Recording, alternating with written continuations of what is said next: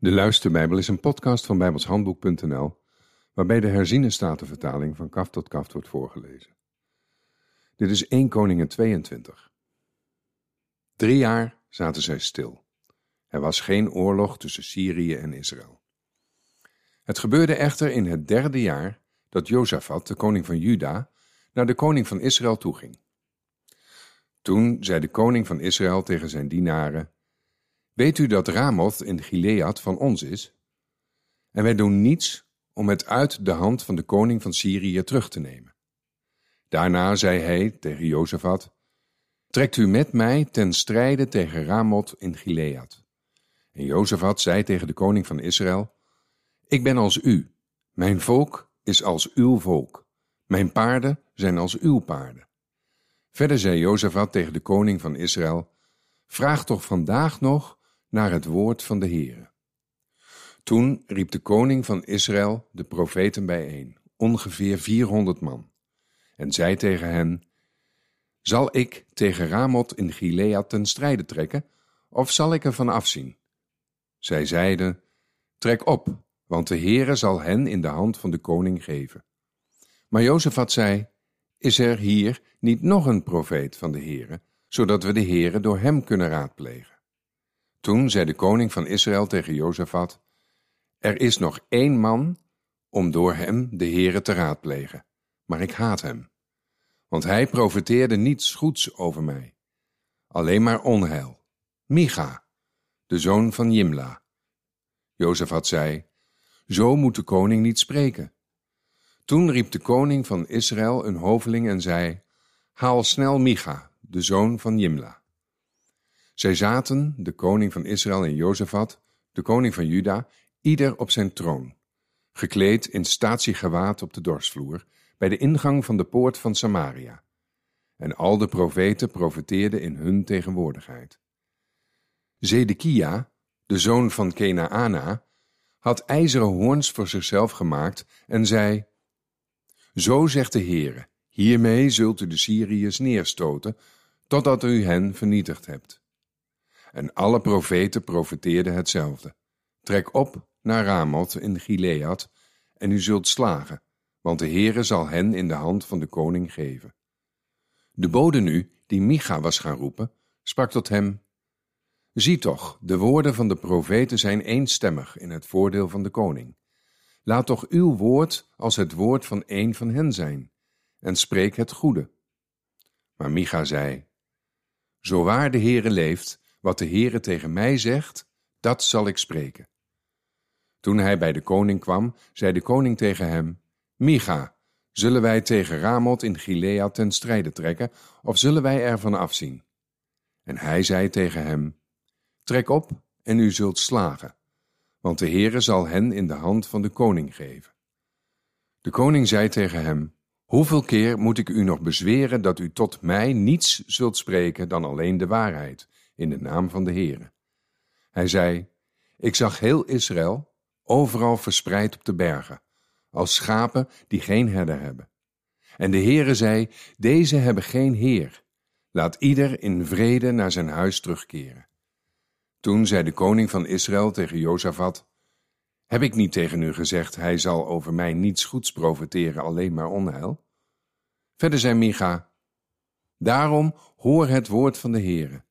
Ik zag de Heere op zijn troon zitten, en heel het hemelse leger stond bij hem, aan zijn rechter en aan zijn linkerzijde. En de Heere zei, wie zal Agab misleiden, zodat hij zal optrekken en bij Ramoth in Gilead zal vallen in de strijd? De een nu zei dit, en de ander zei dat. Toen trad er een geest naar voren en ging voor het aangezicht van de Heere staan. Hij zei, ik zal hem misleiden. En de Heere zei tegen hem, waarmee? Hij zei, ik zal erop uitgaan en een leugengeest zijn in de mond van al zijn profeten. En hij zei, u mag misleiden, en u zult er ook toe in staat zijn. Vertrek en doe het zo. Welnu, zie, de Heere heeft een leugengeest in de mond van al deze profeten van u gegeven, en de Heere heeft onheil over u uitgesproken. Toen kwam Zedekia, de zoon van Kenaana, naar voren. Hij sloeg Mida op zijn kaak en zei, Langs welke weg is de geest van de Heere van mij weggegaan om tot u te spreken? En Micha zei, Zie, u zult het zien, op de dag waarop u van kamer naar kamer gaat om u te verbergen.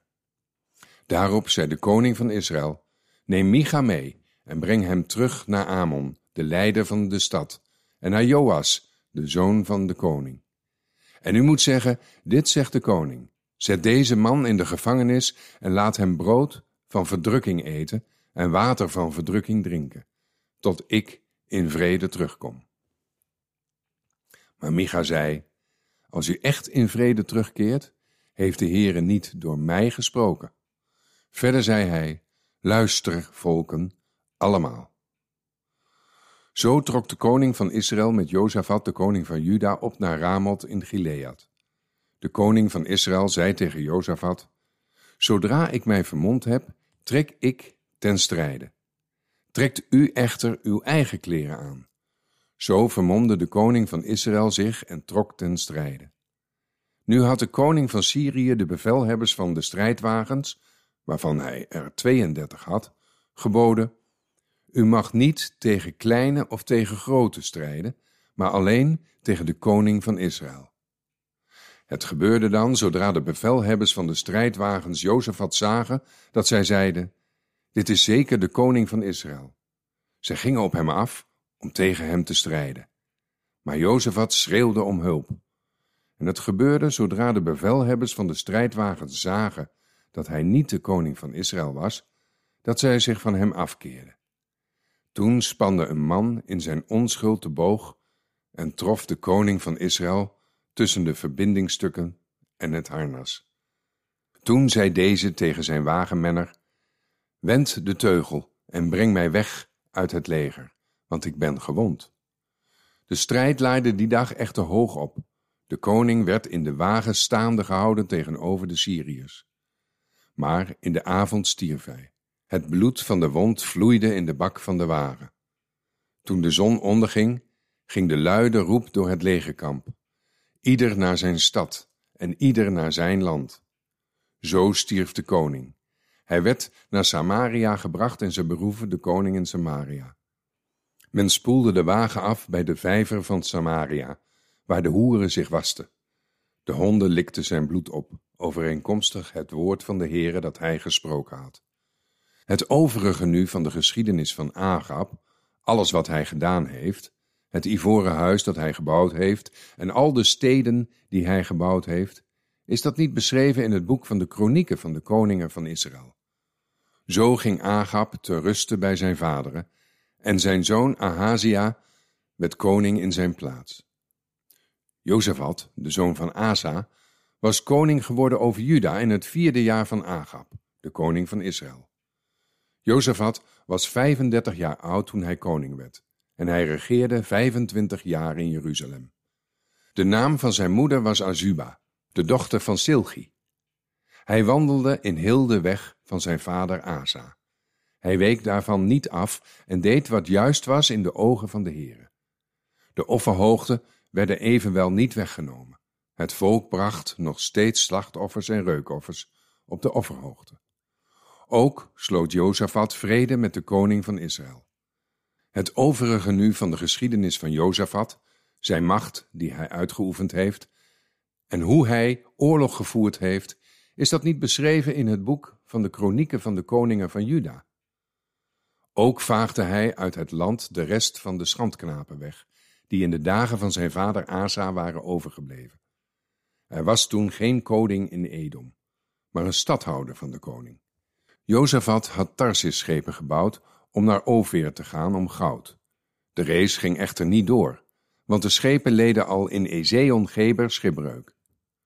Toen zei Ahazia, de zoon van Agab, tegen Jozefat, Laat mijn dienaren met uw dienaren op de schepen meevaren.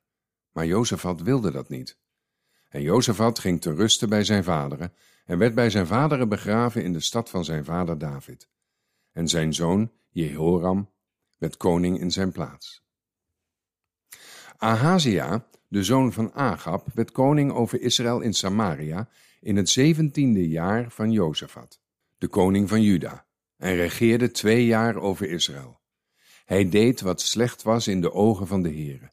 Hij ging namelijk in de weg van zijn vader en in de weg van zijn moeder, in de weg van Jerobeam, de zoon van Nebat, die Israël deed zondigen.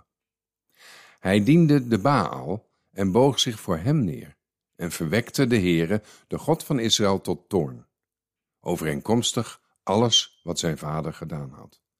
Tot zover.